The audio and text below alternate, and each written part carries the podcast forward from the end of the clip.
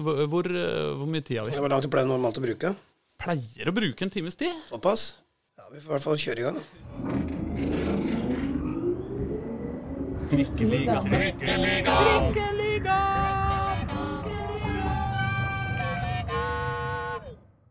Hei og velkommen til Trikkeligaen sesong to, episode Ja, nå har jeg glemt hva det er, ni eller ti eller noe sånt. Jeg heter Aslak Borgersrud, her borte har vi Reidar Solli. Jeg er på plass. På Intility. Og så, eh, velkommen til Oslo. Dag Eilev Fagermo. Takk for det. Åssen går det? Nei, det går veldig bra. Stortrives i Oslo, jeg. Ja, det gjør det. Ja, jeg gjør det. Har du veldig. liksom kommet deg litt på plass her, eller? Ja, det var jeg veldig opptatt av med en gang. Så når jeg fikk jobben, så, så var vi i leilighetsmarkedet med en gang. Eh, fordi at eh, jeg er kommet til en alder der jeg har voksne barn, og eh, når jeg først skulle ta Vålerenga, så ville jeg vie mye av livet, da. Livet per dato eh, til jobben. Og da må du bo i nærheten. Altså, du orker ikke å drive og kjøre til Telemark og fram Nei, jeg har gjort det litt hjem. Jeg har en mor som jeg må ta vare på litt sånn, men, eh, men skal du ha, jobbe mye og ha overskudd osv., så, videre, så må du bo nærme klubben. Det er liksom ikke noen 9-5-jobb, dette her. Nei, det er det ikke. Absolutt ikke. Det er jo litt sånn, Du får jo hobbyen din som jobb, så når du kommer hjem, så har du ikke noe hobby. Nei. Alle fotballtrenere vi har snakka med og intervjua i den podkasten her, så hender det jeg prøver å spørre om sånn Hva driver du med på ettermiddagen og på kvelden, og har du noen hobbyer og sånn? Og, nei, det, det, det, det, er- lite hobbyer i Fotball-Norge. Ja, det er det, fordi at eh, vi har hobbyen vår som jobb. Og det er ikke så lett å så, ha andre hobbyer inntil, for de tar jo normal tid, de også. ikke sant? Og denne jobben her er tidkrevende. Men jeg sitter jo ikke og ser masse fotball om kvelda, jeg. Det gjør ikke det. Jeg så en omgang med Leeds i går, da, for jeg er glad i Leeds. Men det lå 2-0, og så fulgte jeg litt. Men, eh, ellers så hvis jeg skal ha en hobby ved siden av, så må det være at jeg er glad i å se på krim. Men det er for at det er relaxing. Det er ikke noe annet. Leeds burde lede av 3-0 etter 10 minutter, da. Men, eh, men litt burde jo lede av 3-0 etter 10 minutter i, Ja, burde, i går. ja, jeg burde det. Men sånn er det. Så du har ikke noen sånne særinteresser som laksefisk og frimerker og sånne Da ting? gikk jo fattern bort eh, akkurat da jeg fikk Vålerenga-jobben i fjor, så det var Ja. litt spesielt. Men, men eh, jeg er veldig glad og takknemlig for at fattern aldri tok meg med på det. Okay. Og aldri i skauen heller, så jeg har ikke den interessen. Ikke mekke bil heller.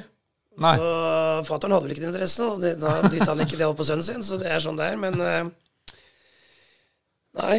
var han interessert, i? Idrett. Så jeg okay. har jo drevet mye med idrett eh, fra guttunge. Vært, med, vært veldig aktiv, da. Og Ja. tatt mange ut sånn. Så det har nok vært mer det enn friluftsliv og, og den type interesser. Ja, For du kommer jo fra landlige strøk, da? Ja, eller altså, jeg har bodd litt forskjellig, men eh, jeg er født egentlig i Bærum. Ja. Og bodde jo der tre-fire år, og så bodde vi vel et Fatter'n spilte håndball på toppnivå, så han spilte i SIF, Stavanger idrettsforening, så bodde i Stavanger et år, jeg. Før vi flytta til Raufoss. Egentlig vokste opp mest på Raufoss Mm. fra jeg var fem-seks år til jeg var 17-18, vel. Og da flytta vi til Telemark, bak Telemark, da. For mora mi er jo fra Telemark. Det stedet jeg har, som ligger helt nede i vannet, er jo fra den gården mora mi er født på. Ja. Så røttene er der, men jeg er ikke vokst opp i Telemark, jeg. Nei. Jeg vokste opp på Raufoss, du. Jeg vokste opp på Raufoss, egentlig. Det er veldig rart. altså Vi har mange podkaster, og, og dette handler jo primært om Oslo-fotball.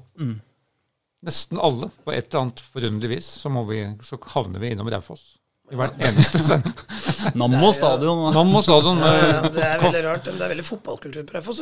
Ja, Selv om det sant. ikke var så mange mennesker der og sånn, så når jeg vokste opp, så var jo det klart Fabrikken, som jeg tror faktisk en dag i dag, så er vel det en av de Norges største industriarbeidsplasser. Men, eh, men den hadde jo penger, og den la igjen penger i anlegg. Så du Ja. hadde jo Lønbergbakken, var jo god i hopp. Ja. Uh, Var jo norgesmester i boksing fra Raufoss.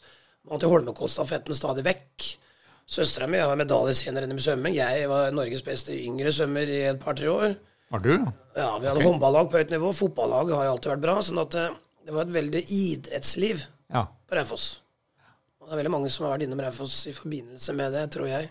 Og at det var da, som sagt, eh, veldig tidlig utvikla i forhold til anlegg og mange idretter da, på 70-80-tallet.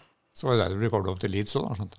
Det der ble jeg kobla opp til Leeds, faktisk. For det, jeg tenkte mange ganger etterpå, det var egentlig genialt. fordi eh, istedenfor en sånn miniputserie der vi måtte reise, så delte de opp Raufoss eh, i forhold til hvor du bodde. Og det byggefeltet jeg vokste opp i, det heter Leeds.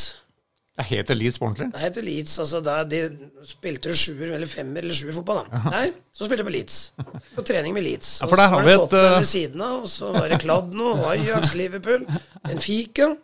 Og så spilte vi serie, så vi bare reiste rundt omkring i, til nabobyggefeltene, og så spilte vi mot hverandre. Så det var jo genialt. Ja, for da har vi et, Det er et bilde vi har fått eh, tilsendt fra en eh, lytter. Jeg vet ikke hvor det kommer fra. Leeds Raufoss. Ja. Det er en eh, Dag Eilev eh, Jeg vet ikke hvor gammel du er der? Sju-åtte år, kanskje? ja, jeg tror det. Må ikke du lese spørsmåla mine. Nei, nei, jeg skal ikke lese det, men eh, jeg kjenner igjen eh, lagpilse. Det er nok i første eller andre klasse, det er på barneskolen. Ja, ikke sant? Og da var det Leeds. Og det er det fortsatt. Da begynte, det er klart når du har spilt på Leeds, jeg kan jo Ja, si det. ikke sant? Ja. Da holder du med Leeds. Ja, ja. Men du, vi, skal, eh, vi, vi skal ikke snakke så mye om eh, livet. eh, og sånn, Vi må snakke mest om fotball. For det syns vi er gøy, da. Så, og da lurer jeg på altså, Eller må jeg begynne med Hvordan vil du helst at Vålerenga skal skåre mål? Ja, det er for så vidt Og da er jeg politikervennlig. Det er jo ikke så ofte jeg er det, men eh, det spiller for så vidt ikke så veldig rolle for meg hvordan vi skårer mål. Men det er klart, eh, hvis jeg skal bruke en fellesnevner, så må det være det at måla kommer fordi at vi har øvd på det. Eh, Om det da er en dødball, om det er en avslutning, om det er et langt oppbygd angrep, om det er en kontring, spiller ingen rolle. Men hvis du ser at det er ting vi har jobba sammen med trenerteam og spillere, jobba sammen om noe for å få til noe, og du scorer da, da har du på en måte lykkes. Så det er klart, det vil for en trener alltid være deilig. Men er det i motsetning til tilfeldigheter? Ja, det er det, for tilfeldigheter, det, det skjer, selvfølgelig. Mm. Det blir færre av det jo bedre du er, tror jeg. Eh, Jeg tror heller ikke du vinner over tid på tilfeldigheter, men du kan jo vinne en kamp. Og du kan ha flaks, men flaks over tid, det har jeg ikke noe tro på. Jeg bare mener Det er jo noen eh, trenere som Eller la oss si Drillo, da. Som er eh, en sånn fotballpreferanse for, eh, for mange av oss. Som jo liksom lagde, spilte fotball ved å, ved å på en måte oppsøke tilfeldighetene. da på en måte. Ikke sant? Han sender mye baller inn i 16-meteren, fordi at eh, der skjer det tilfeldigheter. og Så eh, detter ballen ned et lurt sted, og så plutselig blir det mål. Selv om, den, selv om kanskje ikke angrepet er bygd opp etter eh, Altså, eh, Det er ikke sånn at den har spilt til den som har spilt til den som har spilt til den, og det var planen. liksom. Det kaller jeg ikke tilfeldigheter, for da har Drillo en klar strategi om at han vil ha ballen inn i 16-meteren. Og når ballen detter ned der, så er det på en måte første til mølla, og det kan du, du kan godt kalle det tilfeldigheter, men han har jo en plan, da. Ja. Han slo jo flopassing en gang i tida for å få ballen inn i 16-meteren. Ja. Og det var genialt. Eh, sånn at eh, det er en strategi. Og da, hvis det blir mål, da, så mener jeg at det kommer etter en plan. De målene er da gøyest, for å svare på det som var spørsmålet. Hva er det dere øver eh, mest på om dagen? da?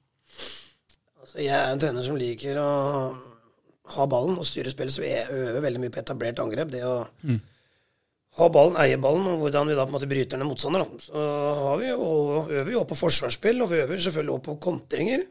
Litt mer av det i år, fordi at der var vi jo ingenting i fjor. Så vi har gjort en analyse av plusser og minuser, ikke sant, fra fjorårssesongen, og så har vi satt ned noen eh, områder vi må utvikle. Eh, Forsterke og beholde suksesskriteriene på. Så jobber vi etter det på treningsfeltet hver dag.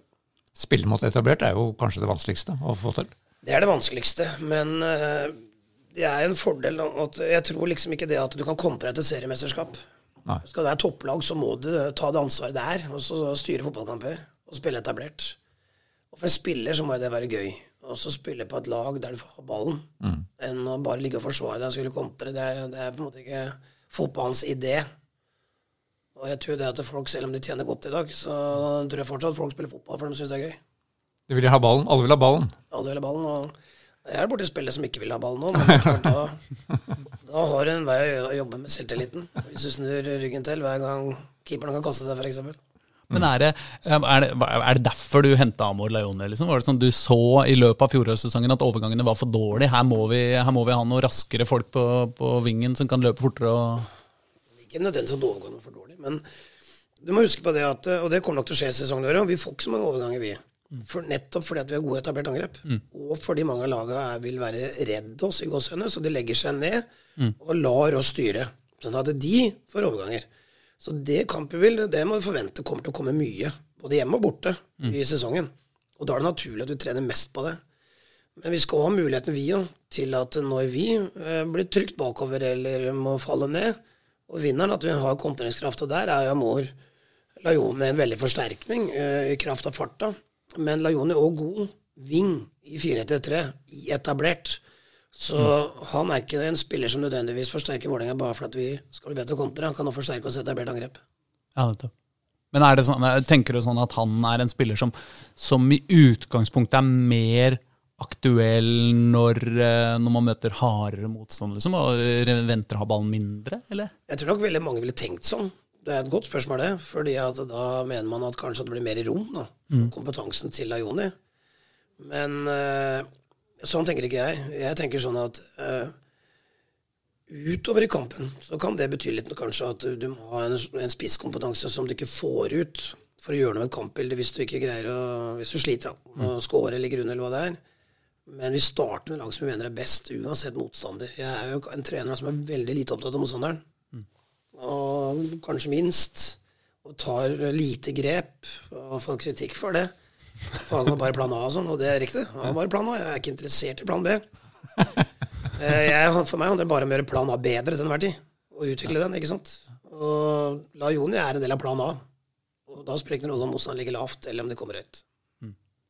Men er det, det altså, Folk snakker om han som en ytterkant, uh, utoverkant, liksom. Er, er det sånn at Vålerenga nå i 2021 kommer til å spille på en måte litt skeivt offensivt? At du har liksom innoverkant på høyresida og utoverkant på venstresida? Nei, vi kan spille med mor på høyresida, altså innoverkant, det vil jo Det må defineres riktig. Eh, Når Ronny trente før meg, så var innoverkanter kanter som løp inn bevisst i mellomrommet foran midtstopperne eller mellom midtstopperne og bekken for å være vanskelig å fange opp der. Sånn spiller jo ikke jeg. Nei. Jeg spiller med breie vinger. Eh, Så da vil jo definisjonen dere på breie vinger på innokamp ville være da at den er feilbeint, på en måte. At den er som Aron, da, eksempel, som er venstrebeint på høyre side. Men uh, det har ikke noe å si. Uh, Amor kan spille på begge sider. Aron kan spille på begge sider. Og så videre. Så det er, er nok mer det at jeg tenker relasjonelt. Hvem er bak dem? Hvem passer dem sammen med? Det er klart Christian Borch, som er så sterk, f.eks., og Felix Hornbyrd til å komme på overlap, komme rundt, så har han veldig godt å holde på ballen. Eh, det gjør at bekken rekker å komme, så får du brukt den kompetansen òg. Så det er nok et helhetsbilde som gjør at eh, vingene blir der de blir. Ikke nødvendigvis at de er høyre eller venstrebeint på høyre eller venstre side. Nei. Så vil du sammenligne Vålerengas 4-3-3 og, og Glimt, da, hvor han Amar har spilt? Den der. 4-3-3 vil jo være like på en del prinsipper eh, som 4-4-2 vil være mot 4-4-2 osv. En del ting vil jo naturlig eh, komme fram da, av at du spiller den formasjonen. Så der er vi like. Ellers så er nok eh, Glimt lengre fremme. Eh, selvfølgelig, men den sesongen i fjor er unik. Eh, der de hadde spesielt eh, veldig målfarlige spillere i flere posisjoner. Og sånn spillestilsmessig så er det litt forskjeller på hvordan vi presser høyt, og hvordan vi presser lavt, og kanskje også litt hvordan vi spiller bakfra etablert. Fag, fotballfaglig. Men, eh, men jeg tror nok det at det største forskjellen først og fremst er at Bodø er bedre. Og at eh, de hadde veldig mange målfarlige spillere i, i flere posisjoner. Ikke bare Sinkelnagel og Junker, men så hadde de Hauge, så hadde de Saltnes, og så bla, bla, bla. Eh, Så vi òg må det for å være topplag. Så viser det seg det at eh, du bør ha flere målfarlige spillere, for da er det vanskeligere å stoppe, selvfølgelig. Er du gift med 4-3-3? Ja. Jeg er gift med 4-3. Jeg vil si det. Det er sånn at jeg ikke, jeg vil ikke si at 4-4-2 nødvendigvis er dårlig, eller 3-5-2 eller et annet system. Men jeg har ikke noe tro på trenere som bytter system hele tida. For det er ofte, da er de taktikere. Det kan du gjøre som landslagstrener. Hadde vært landslagstrener åtte kamper i år, og litt sånn, så kunne du kanskje tilpasse mer til motstanderen og spille taktisk. Men eh, som klubbtrener, der du skal utvikle fotballspillere, i hvert fall her i Vålerenga, når vi må få fram egne, så må du utvikle forhold til noe. Og hvis du har et rammeverk da, så vet du hva du skal utvikle forhold til. Skal du utvikle en ving til 4-3, eller skal du utvikle en ving til 4-4-2? Det er to forskjellige ting, da. Så det er en stor fordel med å ha et klart system når du skal rekruttere spillere, eller kjøpe, hente, da. Så vil altså det samme gjelde. Det er lettere å rekruttere til ett system enn til flere. Og sånn jeg mener det ledelsesmessig jo, at uh, det å ha en klar filosofi og stå for den, det er det viktigste. Å kunne den. Uh, så aksepterer jeg at andre filosofier, men så, hvis du står for den og gjennomfører den, så tror jeg sjansen for, for resultater er best. Så er jo jeg litt sånn Nils Arne Eggen-prega. Det er ikke å legge skjul på det. Jeg slutta jo tidlig å spille pga. to dårlige akilleser, og begynte med, som trener omtrent med en gang. Reiste opp til Trondheim uh, når jeg studerte, fulgte Rosenborg-treninger uten at noen visste hvem jeg var. Sto bak aleine, husker jeg, på, på grusbanen på Lade, tror jeg. Mm. på starten av 90-tallet, når de trente og, og, lærte veldig mye. Det er jo klart Og den Rosenborg-suksessen som var da, så ble jo det et forbilde, på en måte. ikke sant? I tillegg så kom jo Drillo med sine ting. Mm. Og jeg prøvde å hente mye Drillo på forsvarsspill eh, spesielt. Og kanskje mer angrepsspill fra Rosenborg. Så det, Drillo spilte jo mest 4-5-1, som er 4-3-3. Mm. Bare ja, det er jo egentlig 4-3. Så de hadde jo på en måte samme systemet, da. Mm. Selv om de hadde litt ulik tilnærming til angrepsspillet, så, så, er det samme formasjon. Og, med min oppvekst som fotball, ung fotballtrener, så var det naturlig på en måte å se til de. Se til de. Når du reiste til Trondheim da, som, hvor, hvor, i alder var du da? Altså, da var det en ja, da var vel et par, par 23 år, da, kanskje. Trente du jentelag på Ja, så jeg begynte Jeg begynte jo å trene allerede på Raufoss. Da spilte jeg jo på Raufoss, men ja. Eh, da begynte jeg vel allerede å trene min uh, Mitt sånn første Da trente jeg ikke Leeds, da trente jeg nå. For da bodde jeg der. Husker jeg trente Pål Strand. Han okay. var på det laget, han var seks år den gangen. Så han var god da. Hadde et fantastisk skudd. Det var den første trenerjobben jeg hadde. Og så flytta jeg jo til Telemark. Eh, jeg, ikke, jeg, burde kanskje blitt igjen hvis jeg skulle satsa fotball på Raufoss, men litt dårlige akilleser, og da var jeg veldig opptatt av studier, da. Skulle ta studier på et høyt nivå, og da ville jeg ikke ha studielån, så ville jeg ble med mamma og pappa hjem til Telemark. Og da begynte jeg med trenerjobb egentlig med. Jeg spilte litt i snøgg, og så begynte jeg egentlig med trenerjobb, og da begynte jeg ja, jeg hadde småguttlag et år, og så begynte jeg med damer. Ja. Damelag til kjapt og trente de fra ja, fire-fem sesonger. Ja. Men da sto på treningsfeltet i Rosenborg plutselig og fulgte Nils Arne Engen. Du ville rett og slett fange opp helt ja, konkret hva han gjorde for noe? Ja, for jeg studerte på Høgskolen i Bø. Ja. Og så fikk jeg et opphold i Trondheim i forbindelse med Nida Bergene. En oppgave, en markedsanalyseoppgave å gjøre. Okay. Da fikk jeg sørga for at jeg fikk vært og sett Rosenborg-treningene. Så jeg var det da. Jeg har vært i flere perioder. Jeg fikk også loven jeg tente skarpere noen år etter, så åpna faktisk Rosenborg og Vålerenga og Odd Telemarkshallen når den var ny. Husker ikke om 394 eller noe sånt. Mm -hmm. Og da fikk jeg lov å være sånn attaché for Rosenborg. Så det var egentlig veldig bra. Det var da jeg husker at eh, Rune Bratseth og Bjørn Hansen var jo med da, med Nils Arne. Og det var da det henta Trond Egil Soltvedt. Ja. Så en episode med han i Bergens Tidende eller hvor det var, om at han hadde drikket alkohol. Da. Og at det blei masse rabalder av det, ikke sant. Og sånn, så de ville ikke ha han i brann lenger. Og så tok jo Rosenborg og kjøpte den, husker jeg Nils Arne sa at eh, det var bra de fikk inn en som ikke bare åt banansplitt, sånn som Bjørn Hansen og Rune Bratseth. så jeg lo litt av det den gangen. Men da satt jeg bak en på benken. Ja. Eh, vi hørte hvordan han coacha Rosenborg. Og da hadde de kjøpt Tom Kåre Staurvik, husker jeg. Ja. Og Tom Kåre var jo veldig god, men han løp ikke. Nei, han skøyt hardt. Ja, fantastisk. Men hver gang Rosenborg vant valg, så skulle han ha Tom Kåre til å løpe. ikke sant? Det var det vi i dag kaller overganger. Ja. Det var jo da Nils Arne Eggens store styrke. Det var jo overgangsspillet. Ja. Og når han sto da med det volumet og det temperamentet og fikk prøvd å få Tom Kåre til å løpe, så skjønte jeg i hvert fall hva overgangen var. Så da lærte jeg det.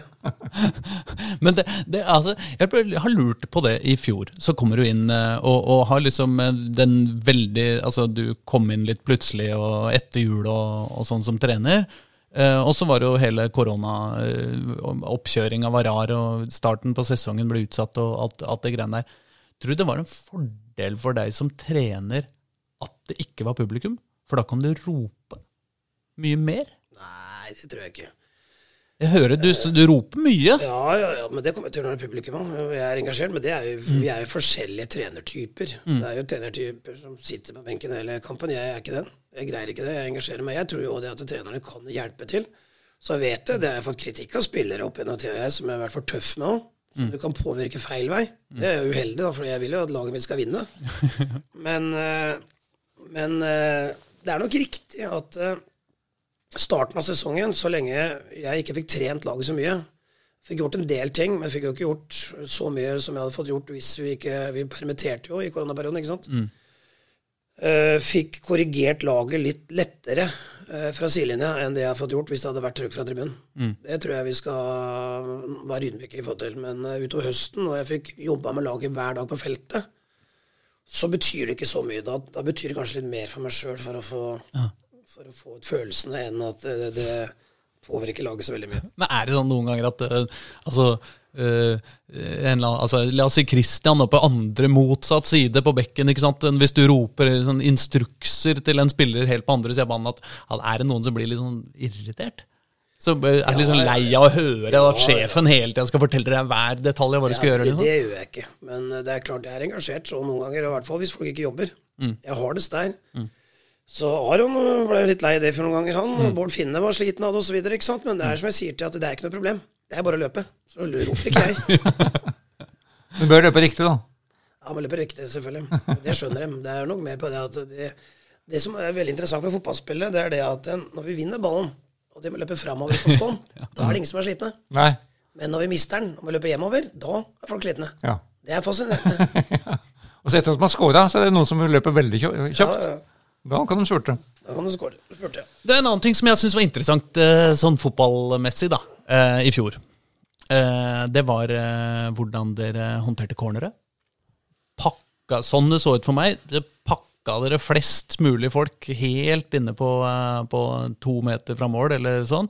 Eh, Lagde masse sperrer og problemer og, og prøvde å hindre motstanderens keeper til til å komme ut. Og så eh, Hver tredje gang så gikk ballen i mål, men dessverre så blåste keep, dommeren av for eh, frispark mot sånn nesten hver tredje gang òg.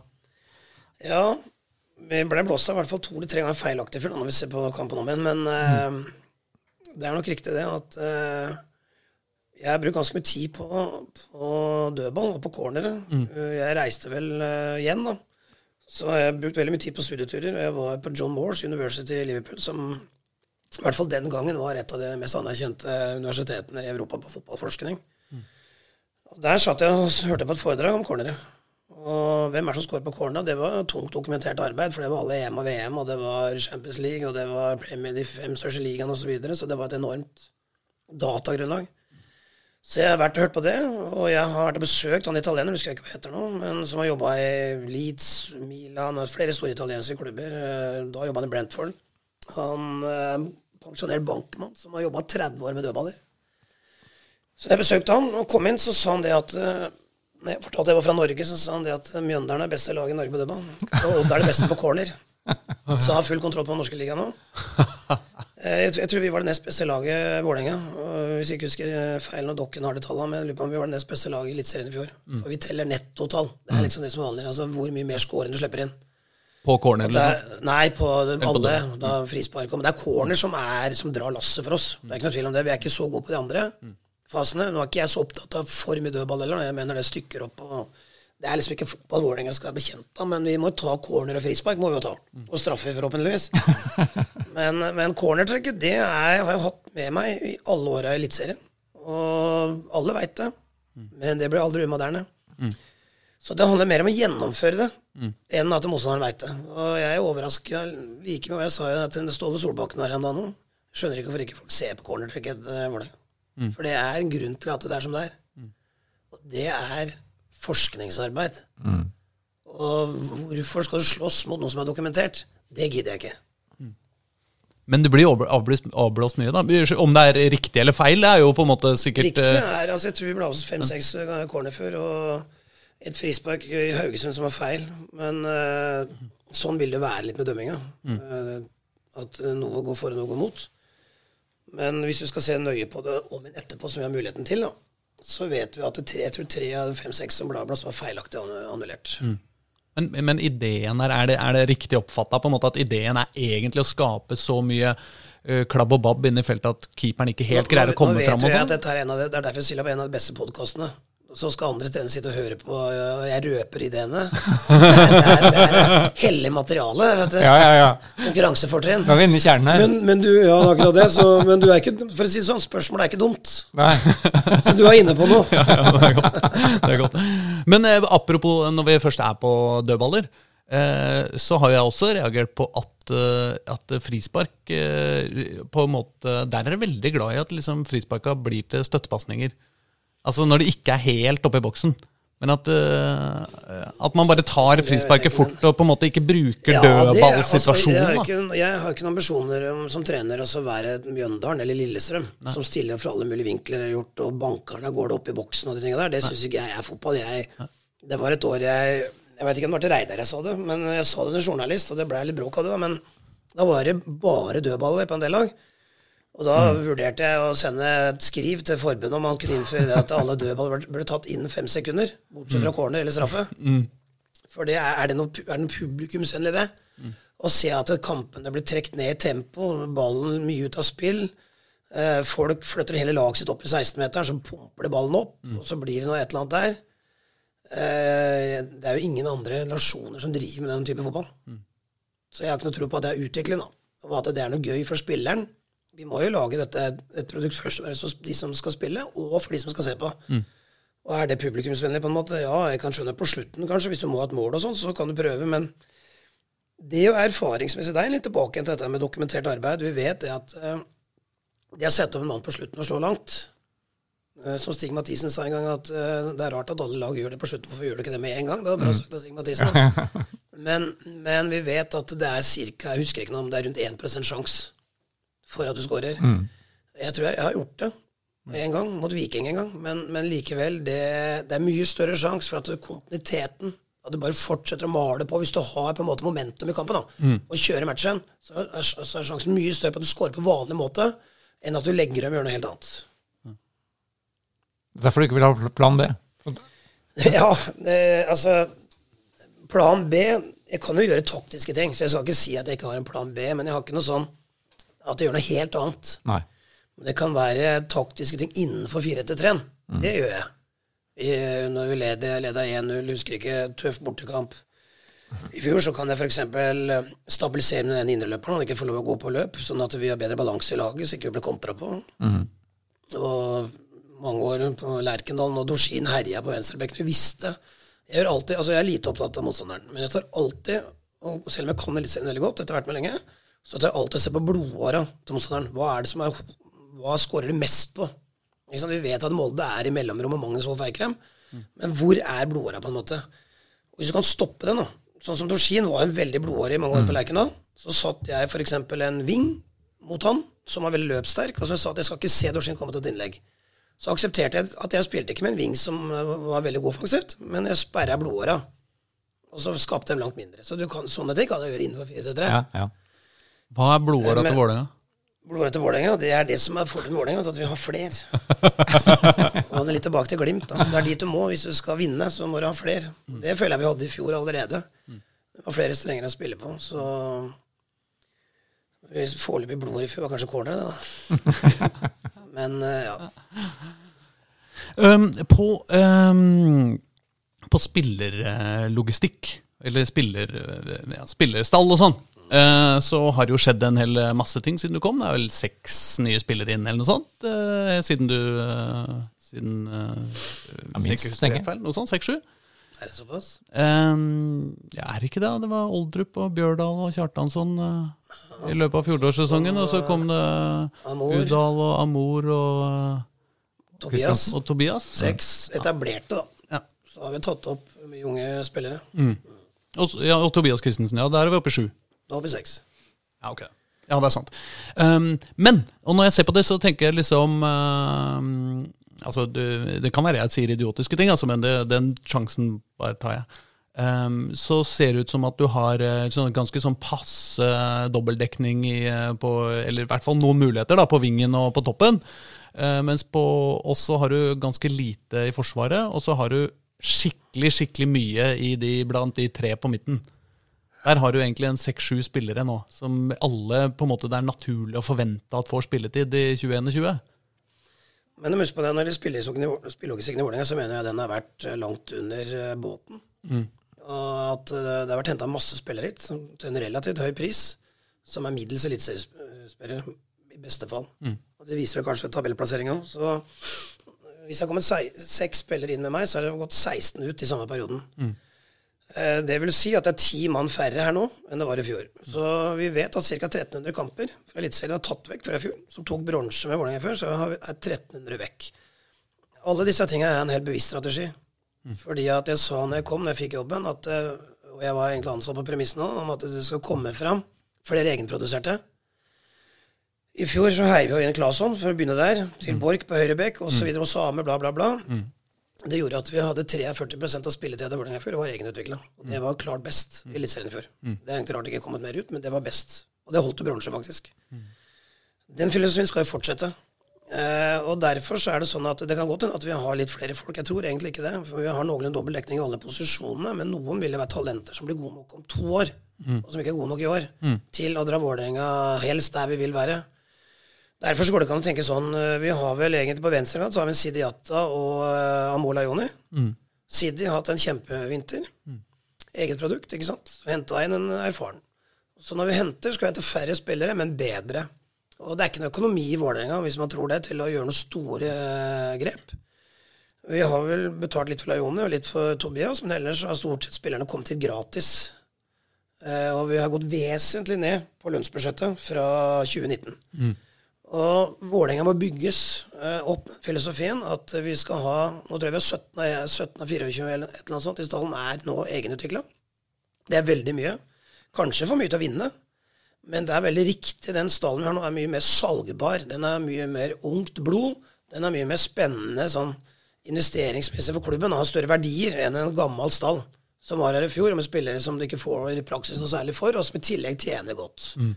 Så der er jeg veldig fornøyd, faktisk. Men jeg med det sjumilssteget. Og det er sånn at mm. hvis du, Jeg kan godt ta posisjoner litt, hvis du har tid til det, men.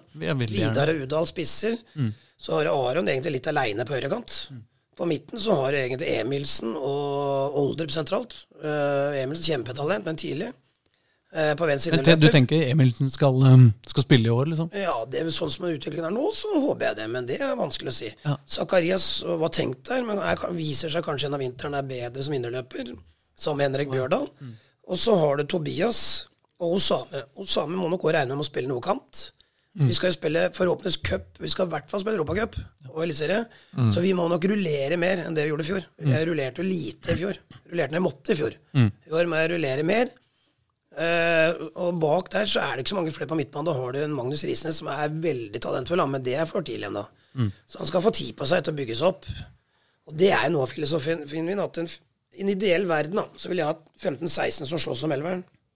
Og så vil jeg ha 5-6 som skal bli gode året etter. Som skal bli gode nok da til å drive. Da, da begynner vi å drive veldig veldig riktig, både i forhold til å vinne og i forhold til å utvikle spillere. da. Men det betyr at du egentlig ikke, ikke regner bak. har, eh, jeg, Felix jeg er ikke uenig i at vi har dårlig dekning bak, for vi har Borch og Sam, og så har vi Felix, som er god på begge bekka. Vi har Oskar Oppsal, som vi må se hva vi kan få ut av på venstre bekk. Men Felix viser jo i fjor Mm. at han var god på bekk, og jeg har fått Felix med på noe.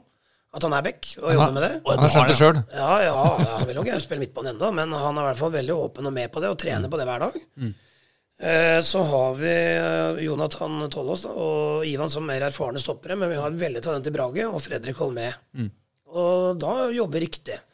Og jeg er ikke noe redd for det, selv om omgivelsene, kanskje media og publikum osv. Hvis vi må ta to steg tilbake litt nå for å komme dit vi skal, fordi at vi har fornya laget veldig hardt, så er ikke jeg noe redd for det. Så lenge vi holder oss til filosofien. Vi kommer ikke til å endre filosofi. Vi kommer til å fortsette å skaffe fram egne, bruke egne, og når vi henter, så skal det være kvalitet. Men det betyr at du egentlig, i mitt, uh, mitt lille regnestykke, så, så har du nå ikke regna inn Odin i 2021. Odin er det største talentet jeg noen gang har trent. Så jeg, jeg vil si det sånn at vi kan ikke ta sjansen med Odin. For den fotballkarrieren der, den er sannsynligvis stor. Eh, og nå må han få lov til å bli helt frisk i det kneet. Så vi kommer ikke til å ha noen sjanser. Nå har vi langtidskontrakt med Odin nå, og jeg snakka mye med Odin. Han skal få lov nå til å bruke tid, og en sånn skade kan ta lang tid. Så jeg vil heller si det sånn at der kan vi håpe at han kan eh, spille noe, men kommer ikke til å presse det kneet. Og da kan det hende at han er ute eh, kanskje ikke hele året, men godt utpå høsten i hvert fall. Hvordan tenker du kjøp, kjøp salg her nå? Så det skal jo årsmøte i morgen hvor den skal vedta et budsjett da, hvor dere skal selge med spillere for 10 millioner, tror jeg det vel, i, i løpet av året. Eh, Det er jo ikke noe urealistisk med den interessen og den verdien som en del av spillerne begynner å få. Nei. Fra Claesson bakerst øh, til Borch. Du kan ta Osame, Aron. Mm. Odin er akkurat skada nå, men var enorm, har vært enorm interesse på han i vinter. Uh, og så videre. Og så kommer det flere unge etter hvert. Vi har til og med interesse på spillere som ikke spilte i fjor. Så det er veldig realistisk. ja. Men det er skjæringspunkt da, med hva, hvem du vil ha, ha her, og, og, og hva du skal selge. Er- Ja, eller er altså Skjæringspunktet for meg går vel egentlig ikke der. Det går mer på det at øh, jeg kommer til Vålerenga for å vinne. Jeg ganger. Øh, og det er fortsatt en liten klubb en stor by. Så vi må bygge oss sterkere og breiere, og det har et større økonomisk fundament for å kunne konkurrere med de beste. Uh, Elveren vil konkurrere med de beste, hvis han er skadefri. Men du vet jo det at det blir jo ikke en elver gjennom 30 kamper pluss cup i Europa. Nei. Og hvem vi selger, det er for så vidt ikke så viktig. Jeg føler det en sign, signing av Tobias Christensen viser at vi er litt i forkant. Vi greier litt i forkant, for vi, vi eh, legger vel ikke skjul på det, at noe noe Samen Odin enn eh, Aron, i hvert fall. At det kan skje noe i en av de posisjonene der. Med så sterk interesse vært på de. Det tror jeg vi skal være åpne og ærlige på, og da er vi i forkant med en spiller som kan òg spille de posisjonene. og det det er jo de beste klubba flinke til. eh, til å kunne ha på en måte erstatteren klar da, når spilleren forsvinner. At ikke man begynner å leite, da, for det er ikke så enkelt. Og da kan det fort bli dyrere i tillegg. Så Tobias er en type som kan gå inn i flere roller her? Ja, men jeg tror ikke vi får det beste ut av han heller, hvis ikke reindyrkeren. Men, eh, men foreløpig så er det indreløper og kant. Okay. Litt som Osame, egentlig. Indreløper og kant. Han kan godt han kan bli god sentral òg, men, eh, men eh, da begynner det å bli mange roller igjen. Det tror jeg ikke er heldig for gutten. Eh, Og da ikke for Vålerenga etter hvert heller. Nei. Du, vi har fått så fryktelig mye spørsmål fra, fra lytterne våre, vet du, som, eh, som de vil konfrontere deg med. Men jeg tenkte jeg skulle begynne med et som ja. Ja, ja, ja, ja, det er knallharde greier, altså. er du gæren, slipper ikke lett unna nå. Nå er vi her. Nei, men det første tenkte jeg, fordi vi hadde Erling Rostvåg, leder eller talsmann for i- for eh, to uker siden. Og da stilte du et spørsmål om han eh, helst ville vinne eller ha god stemning på tribunen. Nei, ikke god stemning. Nei, eller eh, trøkk, da. I hvert fall så har han stilt eh, spørsmål tilbake, som en slags payback time. Vil du helst kjenne på støtta til supporterne i ryggen, eller vinne fotballkamper? Ja, ikke sant. Det, spør, det, det spørsmålet det avslører egentlig litt svaret hans. Fordi at jeg har aldri vært fotballsupporter, for jeg har vært trener. Så jeg har stått på benken og ikke stått på tribunen. Og jeg kunne tenkt meg å stått på tribunen. Jeg skjønner det å være en del av en support, et supportermiljø. I hvert fall her, som det kanskje er det tøffeste og kuleste og beste supportermiljøet i Norge, så hadde det vært veldig gøy. Eh, Men som sagt, den opplevelsen får du ikke når du står på sidelinja. Du får jo trøkket og synginga og den herlige, altså fansens fantastiske sider, og for så vidt eh, motsatt òg. Du kan få juling òg, det er ikke det. Eh, Men du får ikke vært en del av det. Jeg kan ikke stå og synge liksom på sidelinja. Så på en måte er jeg litt misunnelig på han. På en annen side så skal han være litt misunnelig på vi som er ute på banen, da. Det er noe poeng her, fordi at eh, Det tror jeg vi er alle som står på. bare, du kan ikke bare komme på Intility og stå i svingen i østblokka og være svoren Enga-supporter hvis ikke du håper at laget vinner. Og at det er Ok, vi tapte i dag, men det har vært jævlig moro sammen med gutta, liksom. Det holder ikke for meg. Du må vinne òg. Ikke sant? Og så må vi Jeg vil gjerne da vinne, og så vil jeg ha supporterne i ryggen i tillegg. Så det blir jo Men hvis jeg er vår er herre sånn- nå et det øyeblikk Sånn at, eh, noen ganger, noen ganger så jeg stilt spørsmålet det, om supportere og allianser. Jeg husker jeg var i Chelsea en gang. og sånn. De, de blir sånn at det er så gøy å være supporter at de glemmer litt uh, hvorfor de er supporter. Og Det er ikke bare liksom kameratskapet og det at vi er stolte av Vålerenga, men det er vi skal vinne òg. Men hvis jeg gir deg liksom tilbudet her og nå, åpningskamp mot Molde eh, Korona har plutselig forsvunnet for én kamp. Ikke sant? Du får eh, 17 000 mann som jubler for deg, og kvinner og alt som er, eh, på Intility, men du taper 2-0. Deal or no deal? Nei, da vinner jeg heller mot Molde og aksepterer at det er 200 på tribunen, som det var i fjor. Det er klart det, for jeg er her for å vinne. Men jeg kommer jo til Vålerenga fordi jeg vet om at den høsten vi hadde i fjor, så sulteforakt som klubben er, og det ikke hadde vært korona, så hadde vi hatt mange folk inne på tribunen her. Og det er jo det som gjør at Vålerenga har potensial. Når jeg sier at det er en liten klubb i en storby, så er det ikke fansen som er utfordringen. Det er, det, det er fansen som er det, og at, det, at Vålerenga ligger i Oslo by, som gir Vålerenga det største potensialet. Og Derfor så gleder jeg meg til at vi får de selvfølgelig på tribunen, men jeg vil vinne. Det er klart, det. Så den opplevelsen med supporterne, den vet jeg kommer. Så da tar jeg heller seier mot Molde, og så venter jeg til koronaen er over, og så er det fullt. Og så synger de i bilen, skjønner jeg. Det er vel der VIF- VIF-sangen ja, ja, det er, eller, kommer. jeg hadde jo ikke, jeg må innrømme det, Vålerenga kirke, den har alle hørt. Og hørt den hadde jeg hørt eh, som motstander senere i mange år. Den er jo fantastisk selv. Selv for en motstand, motstandertrener, så må jeg innrømme det. Men jeg hadde ikke hørt mitt Vålerenga, vet du. Særlig, for den har jo blitt spilt ved historiske pausen, og da er vi inne i garderoben. Ja. Så når jeg satt i bilen jeg vet, og venta på at Odd og Vålerenga skulle bli enige, og holdt på å måtte kjøre opp til Telemarkshallen og lede Odd eh, en kamp jeg ikke ville Men så måtte jeg presse Odd, og så greide vi Så ble jeg klubba enige, og da måtte jeg kjøre hit som et svin inn til Oslo for å rekke pressekonferansen her. Og da sier dattera mi, for hun ville veldig gjerne at pappa skulle trene Vålerenga, da. Okay. At nå må høre på denne sangen her. Så spilte jeg midt Vålerenga. Og den syns vi var så bra, så den gikk på repeat i to timer fra Telemark, eller en time og tre kvarter fra Telemark til Intility. Men var hun VIF-supporter fra før? Nei, Jeg var nok litt pappas supporter, tror jeg, men, eh, men dem er, begynner å bli voksne, ikke sant. Og Ja, Men de hadde sangene, de, bor, de bor i Oslo og studerer i Oslo og sånn, så da er Vålerenga kult. Det er det ene. Og det, de skjønner jo det når de har vært med meg en stund, at Vålerengas potensial er klart større enn Odd sitt. Ja. Ikke sant? Og ville at pappa skulle trene. Jeg har jo sagt nei til klubber før som er større enn Odd. Men nå ville de at eh, nå var det på tide. Det er klart, Vålerenga er Vålerenga. Mitt Vålerenga, du, du- har laga noen sanger, Harstad, har du ikke det? Ja, Jo, men jeg har ikke, jeg har ikke, har ikke noe med den å Du gjøre. har ikke noe med den å gjøre, da? Nei, nei, nei, nei, nei. nei men jeg har litt, har litt låter i banken, jeg òg, faktisk. Men, eh, men det, det, det tror jeg vi må la ligge, altså. Um, Tanman, Tan på Twitter spør eh, hvem på laget har verst for å ta, til å, for å ta til seg beskjeder. Jeg vil ikke si at det er noe som er verst. Nei, Men nå, eh, det er klart at det er jo følelser fra fotballspillere, akkurat som det er fotballtrenere. Aron og jeg er litt like, så Aron kan jo være litt sånn at eh, han ikke vil høre etter. Det kan jo være andre spillere også, hvis jeg på en måte har gnaget nok. ikke sant? Altså Hvis du fortsetter eh, Som var litt inne på i stad, Bård Finne var litt sånn, han løp jo ikke hjemover. Mm. Bård Finne er veldig god og farlig fotballspiller, som jeg egentlig likte veldig godt. Men eh, i Vålerenga må jobbe begge veier. Og jeg ropa på han så fort du mista ballen, så sto han jo. Og da ropa jeg, ikke sant. Og det er klart Da er det De later som de ikke hører etter, da. Men det skjønner jeg. Jeg gir meg ikke. Var det derfor du ikke lot han få eh, ti minutter på slutten mot eh, start, eller? Nei, det er mer jeg tenkte ikke på. Jeg hørte rykter om at jeg har fått kritikk for det. Jeg kan ikke forstå det. Altså For meg som trener så handler det om å, å ta medalje. Eh, når Vålerenga kan det for første gang på ti år. Og da eh, ville jeg på slutten, når jeg skjønte at vi greide det, så ville jeg Brage, som har framtida til Vålerenga, skulle finne og smake på det. Det, det Bård Finne hadde selv valgt å gå til Sønderjyske. og og det er fair, det, for han fikk jo ikke de sjansene av meg som, eh, som sikkert han ønska. Men da tenker jeg på Vålerenga i 2021, og ikke på Takka. Det kan vi gi en klem og gjøre i garderoben. Det, det er ikke nødvendigvis sånn at de skal få de minuttene. Det er viktigere for Brage å få smake litt da, som skal være her. Ville, tenk, tenkte du samme da Henning Berg husker du diskusjonen da Henning Berg skulle ha sin 100. landskamp på, for Norge på Ullevål.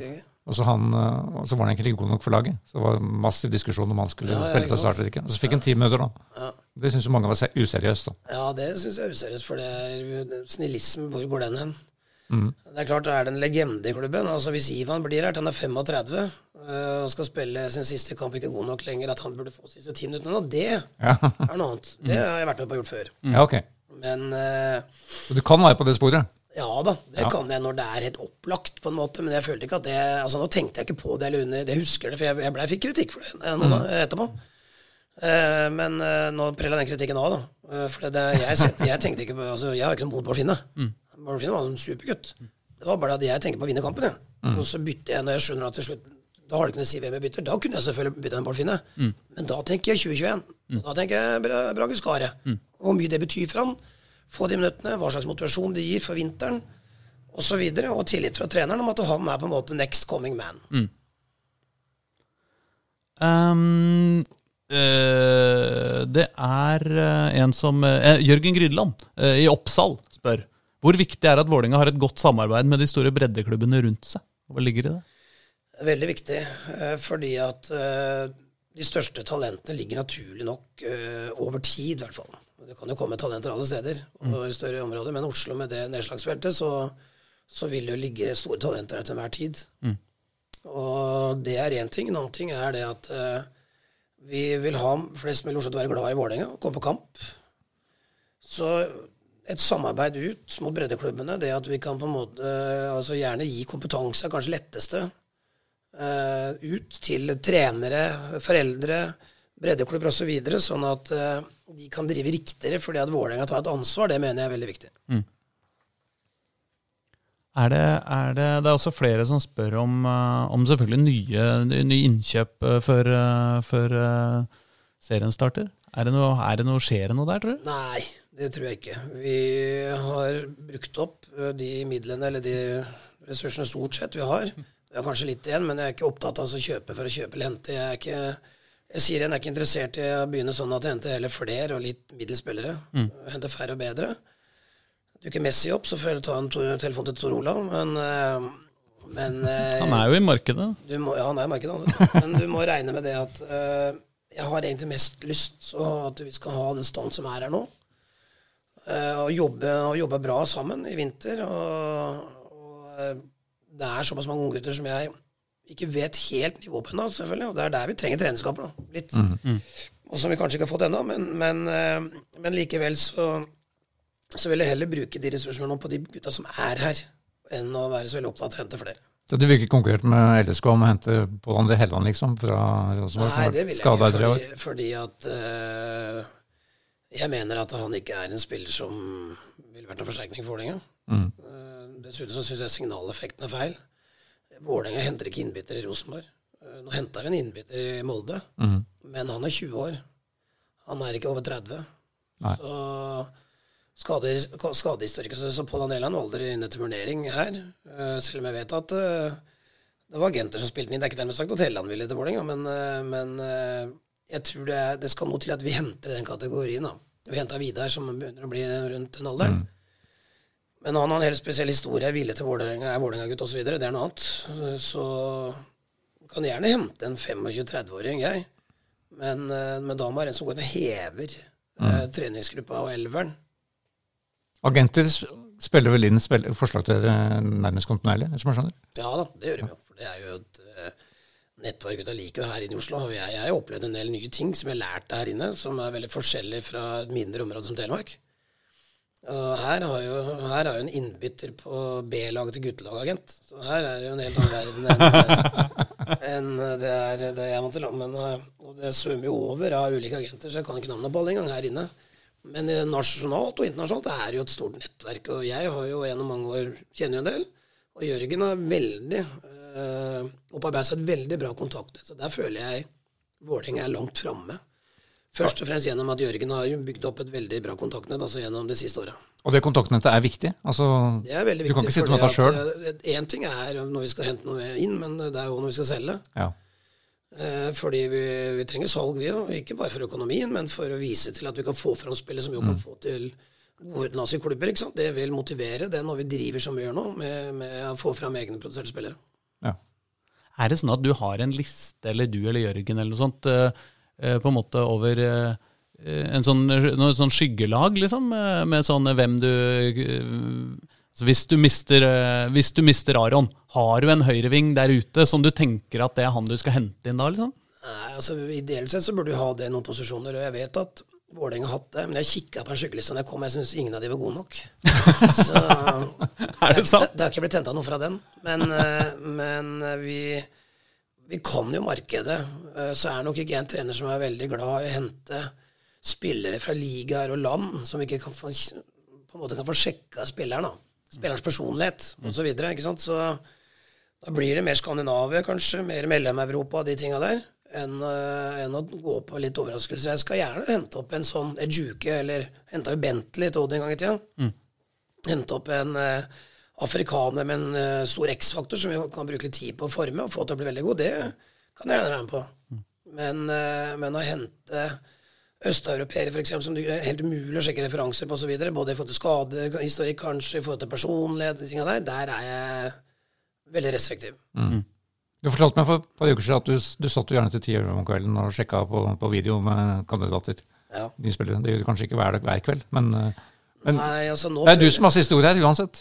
Ja, det er det. Det må det være. Det er Ja. klart at uh, Jørgen gjør en formidabel jobb altså med forhandlingene. Han har gjort en fantastisk jobb nå med å ha fått vekk så mange spillere osv. Så videre, så, og som jeg sa, så er det veldig kontaktnett. Men, uh, men når han kommer opp, eller når jeg eller noen trenere kommer opp med en spiller som vi kan være interessert i, og vi vet, så må jo han sjekke ut om det er realistisk, både økonomisk og om spilleren er interessert.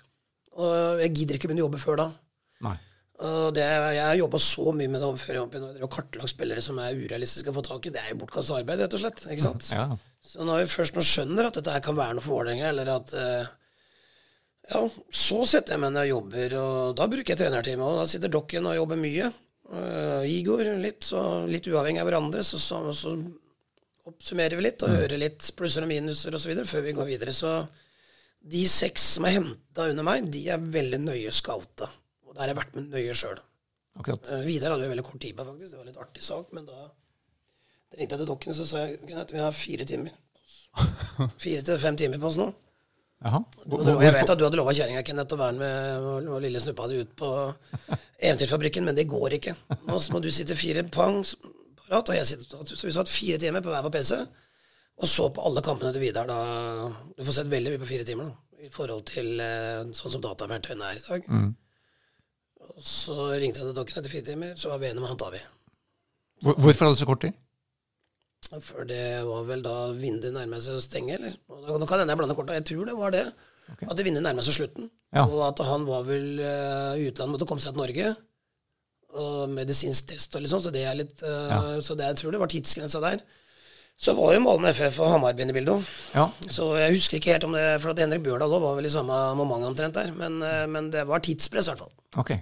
Er det da sånn, kan du risikere altså når vi, vi andre vi bruker mest penger når vi kjøper bolig, liksom. Og da noen ganger så blir du liksom forelska i en eller annen bolig, ikke sant? og så blir, blir du sånn 'Jeg må ha den for enhver pris', og så blir du sånn idiot som går på visning, og så finner du bare de fine tinga, og så glemmer du å sjekke bak listene at det er fukt og Er, er dere proffere enn det? Ja, vi er proffere enn det. Den eh, feilen der tror jeg mange har gjort. Jeg husker jeg kom til Odd en gang, så hadde jeg en spiller som ikke hadde tær, og hadde gått gjennom medisinsk test. Så begge stort har spist opp. Så det, så det er eh, mange historier i, i fotballen, men, eh, men vi er veldig nøye med å sjekke spilleren, og ikke bare fotballmessig. Det fotballmessige er jo punkt én. Se på spilleren. Er det en spiller vi trenger, en spiller som forsterker oss, er det en spiller som er noe for det? Det er punkt én. Så må vi sjekke personligheten. Hva slags person er det? Er det en person som kommer til å tåle det regimet som er her? Er det en person som går igjen sammen med lagkamerater osv.? Det må sjekkes. Og så Det siste blir jo da det medisinske. Han kommer inn, og det er en veldig grundig Det er en stor styrke her kontra det jeg er vant til før. Her har vi jo med Erik Rosenlund og Fredrik Birkman, som er veldig flink, så har jo vi Volvat, hele Volvat-systemet i ryggen på en måte. Altså vi får jo spillerne inn til den spesialisten vi trenger på kort tid. Det er fantastisk. Det gjelder jo de spillerne som er her òg, hvis det skulle skje noe. Men der er et, har vi et stort pre altså, som klubb i Oslo som ligger her i nærheten av, av sånne muligheter, med så mye kompetanse som det er selvfølgelig i en eh, by som Oslo. Det er bare to små ting som jeg har lyst til å ta før vi, før vi runder av. Eh, Det ene er det som skjer eh, i morgen, altså onsdag. Det er mulig den, denne podkasten kommer ut da, men da skal det være et, et, et eh, Årsmøte. årsmøte i Vålerenga fotball elite, hvor man skal stemme om, eh, om Vålerenga skal, eh, skal gå inn for boikott av VM i Qatar. Har du noen tanker om det? Altså, jeg, jeg tror det at alle Det er veldig lett å boikotte Qatar. Det er, det er nesten umulig å være uenig i det. det jeg er veldig enig i at det som skjer der nede, er veldig trist. Og at en boikott er uh, Nå må jeg snakke for meg sjøl, ikke for alle medlemmene. Men, eh, men jeg tror det at det, det er veldig vanskelig å være uenig, i hvert fall. Det som er, gjør saken litt mer komplisert enn å bare si at vi skal boikotte, syns jeg. Det ene er hvem er det som ga eh, Qatar-mesterskapet? Burde vært gjort noe der. Eh, de har jo fått mesterskap av noen, ikke sant? Eh, en annen ting er jo det at eh, vi selger jo spillere, det hadde sannsynligvis Vålerenga gjort òg, for titalls millioner hvis vi hadde fått bud fra andre regimer, der menneskerettighetene også er ganske kua. Så hvor går grensa? Blir det dobbeltmoral hvis du stemmer nei til Qatar, og så selger du spiller til Kina for 30 millioner, liksom? Eller Russland? Den syns jeg er uh, diskuterbar, i hvert fall. Eh, så, men uh, min personlige mening er at det blir vanskelig å komme utenom noe annet enn nei, så lenge det, det er såpass tøffe eksempler på hva som skjer i, i Qatar. Det er Igjen mange... så er spørsmålet hvordan, hvordan i det hele tatt kunne få et mesterskap når man vet uh, hvordan ting foregår der nede. Det er den store skandalen. Det er den store- det er det som er den store skandalen. Det er jo Og- skandale begge deler, men, men det er Ja. klart, det, det er jo utrolig. Og at de ikke har klart siden 2015, da dette ble avslørt, å flytte det. Hatt seks år på seg på, på å flytte det, men det har jo ikke Fifa klart. det. Nei, så det er, det er det som er vanskelig med idrett og politikk. Vet du. Fordi at det er ikke dermed sagt at uh, det kan ting i USA som ikke er akkurat så veldig bra for de menneskerettigheter, men vi selger spillere litt for det. Så Men det er vel sikkert mange i Supporter-Norge særlig, da, og, og Klubb-Norge også, som, som, som ser på en måte som dette som en mulighet til å gi Fifa en, eh, og korrupsjonen i, i, i på en måte den internasjonale fotballen da, en skikkelig en på trynet òg. Ja. At det er en del av den Jeg vet ikke etter Sepp Latter, om det blitt rydda opp en del, og Platini osv. Det kan jo virke sånn utad, men om det, er det, om det er det praksis, det er vanskelig å si. Men det fikk seg en kilevink i hvert fall da. Og at det er korrupsjon i hele tatt i sånne organer, det er trist, og i hvert fall for vi som er så glad i fotball. ikke sant? Og at det, jeg er redd da, jo mer korrupsjon det er, jo mer styrer penga og kapitalen. Og vanskeligere er det ikke sant, for litt mindre land og litt mindre ligaer, og det er ikke noe heldig for interessen for fotballproduktet.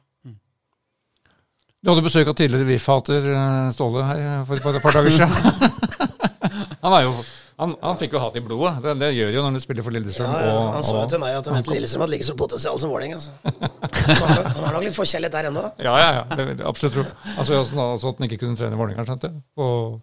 No, no, han sa i en podkast her at han ikke kunne trene Vålerenga noen gang. Ja, ja, ja. Det, det er noe sånn. Det, er- det, det trygt og godt for deg, da. Men han, for han er jo spennende, da. Hvis det ikke blir noen kvalikkamper til Qatar, så er det jo krise for han, selvfølgelig. Men uh, nå skjønner jeg at det blir ikke noe Nei, det var forslag om at det ikke blir vedtatt på fotballtinget nå til helga, men at det blir uh, antagelig utsatt. veldig greie. Men jeg må innom, jeg som har vært i denne bransjen eh, litt mer enn et kvarter, kort til slutt innom eh, altså det, det slår meg det er et trenermiljø i Telemark, Skien, Porsgrunn, da du kom opp.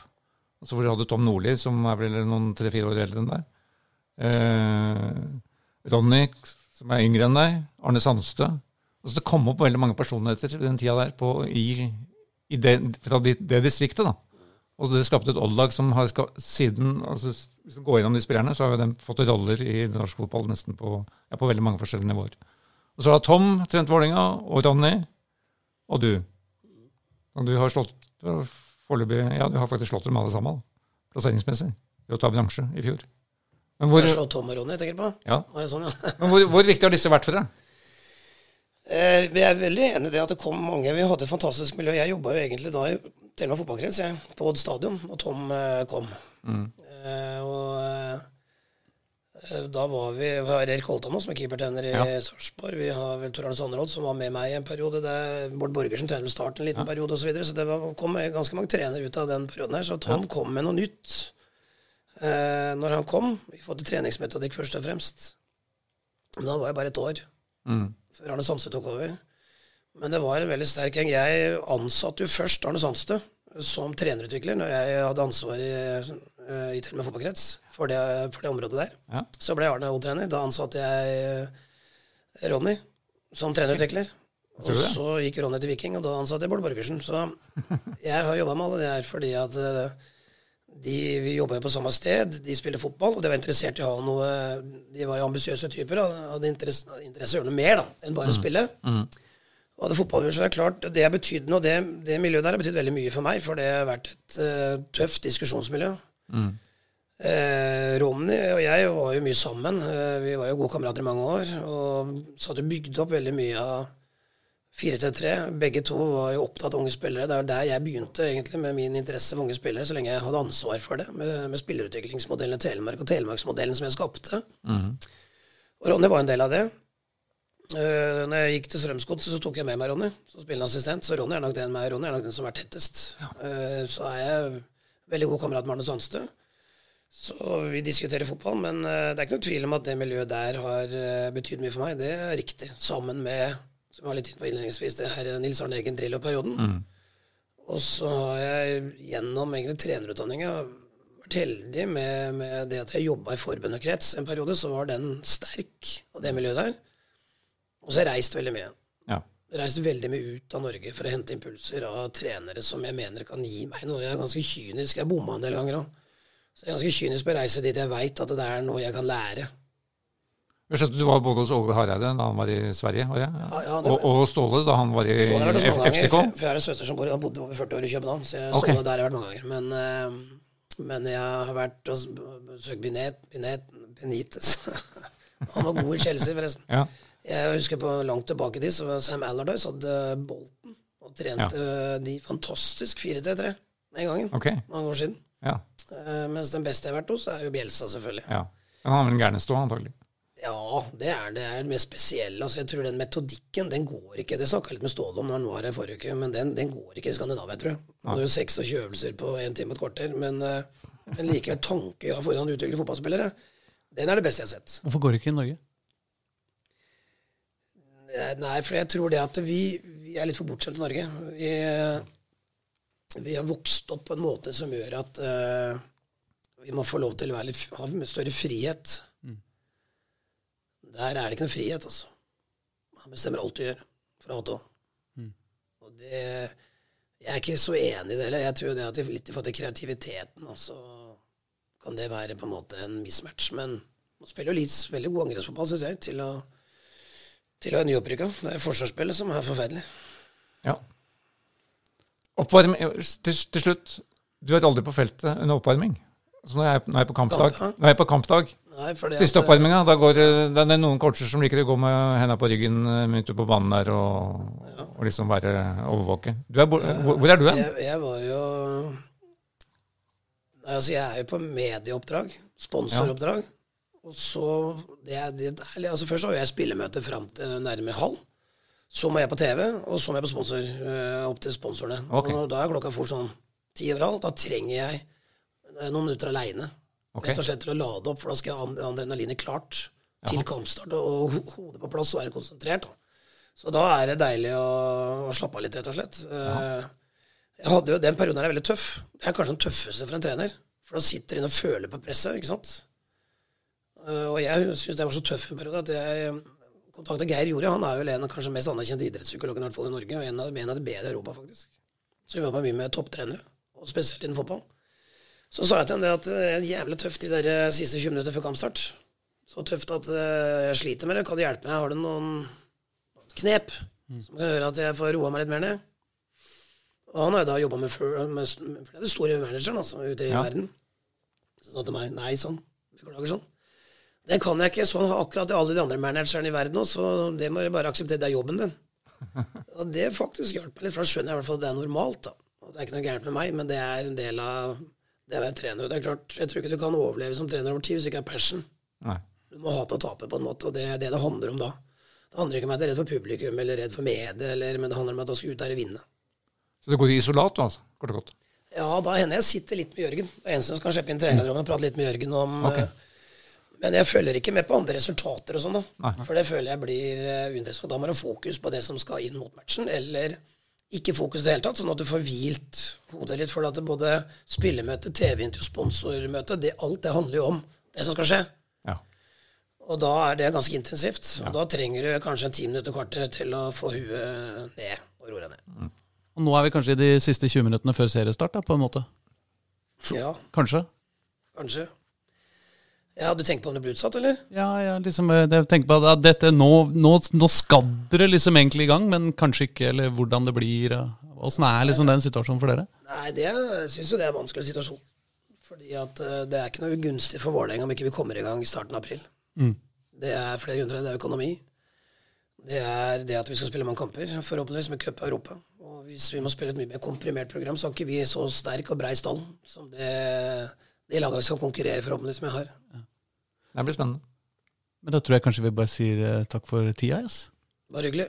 Fint at vi fikk komme. Altså. Ja, Ålreit å snakke litt fotball, er det ikke det? Jo, jo. Det var jo bra med fotball, det, vel? Ja.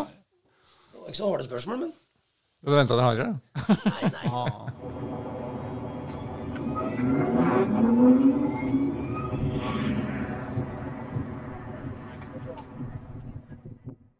Du har hørt en podkast fra Dagsavisen. Ansvarlig redaktør heter Andreas Heen Haaland Karlsen.